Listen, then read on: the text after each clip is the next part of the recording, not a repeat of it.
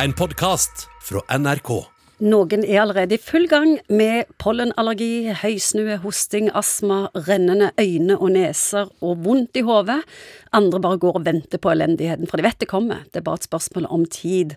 Og så kommer de til deg, Morten Munkvik. De skandinaviske landene de lykkes med mye, men når det gjelder allergi og atopisk eksem, der er vi tapere.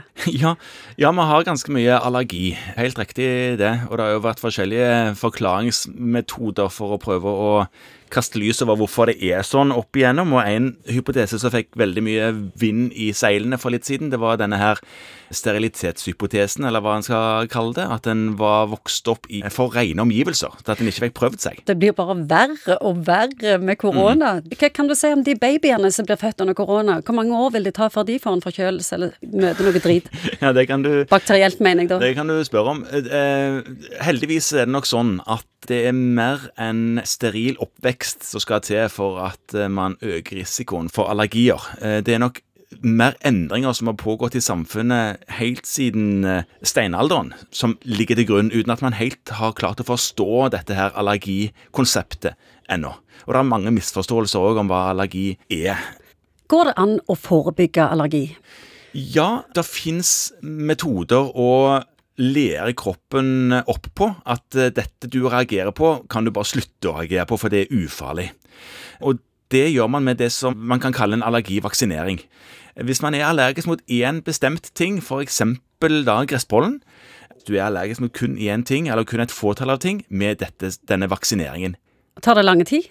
Vaksineringen Bare ei, sprøyte, så er det fint? Nei, dessverre er det ikke sånn. Det kan ta flere år hvor du får sprøyter månedlig, eller eh, noe sånt som det. Da reagerer du på dette her, og så reagerer du mindre og mindre med tiden, sånn at til slutt så gidder liksom ikke kroppen å reagere på dette her stoffet lenger, og da er du fri. Er det mange som gjør dette? Stadig flere gjør det, og det virker for veldig mange, men det virker dessverre ikke for alle. Utenom vaksine, da. Hva vet vi om eh, hvordan vi kan forebygge framtidig allergi hos en baby? Ja, det hjelper, virker det som, å bli født vaginalt. På grunn av det du blir eh, eksponert for på vei ut, ja. Blod og drit og Ja, alt det som følger gørre. med. Ja, alt det gørret som tørkes vekk, men som eh, på en måte setter sine spor i babyen. Og noen sykehus, fordi man vet at dette her er såpass gunstig, så bruker man eh, q-tips og smører på babyene disse tingene dersom babyene blir tatt med keisersnitt og ikke blir født vaginalt. Hvorfor utsetter vi ikke ungene for mer skitt, altså spise sand og griseri, og, og så ja. de til å bli friske voksne? Hvorfor gjør vi ikke mer av det? Nei, det gode blir noen ganger eh, det bestes fiende, Jeg ser hvor mye de tåler i India. Ja, sant. ja. Nei, men det er jo i beste hensikt. Vi prøver å oppdra barna våre, og noen ganger så gjør man de en bjørnetjeneste med å ha det for rent og for sterilt. Det er flere land leger sier at de anbefaler faktisk at unger som vokser opp, skal ha dyr rundt seg.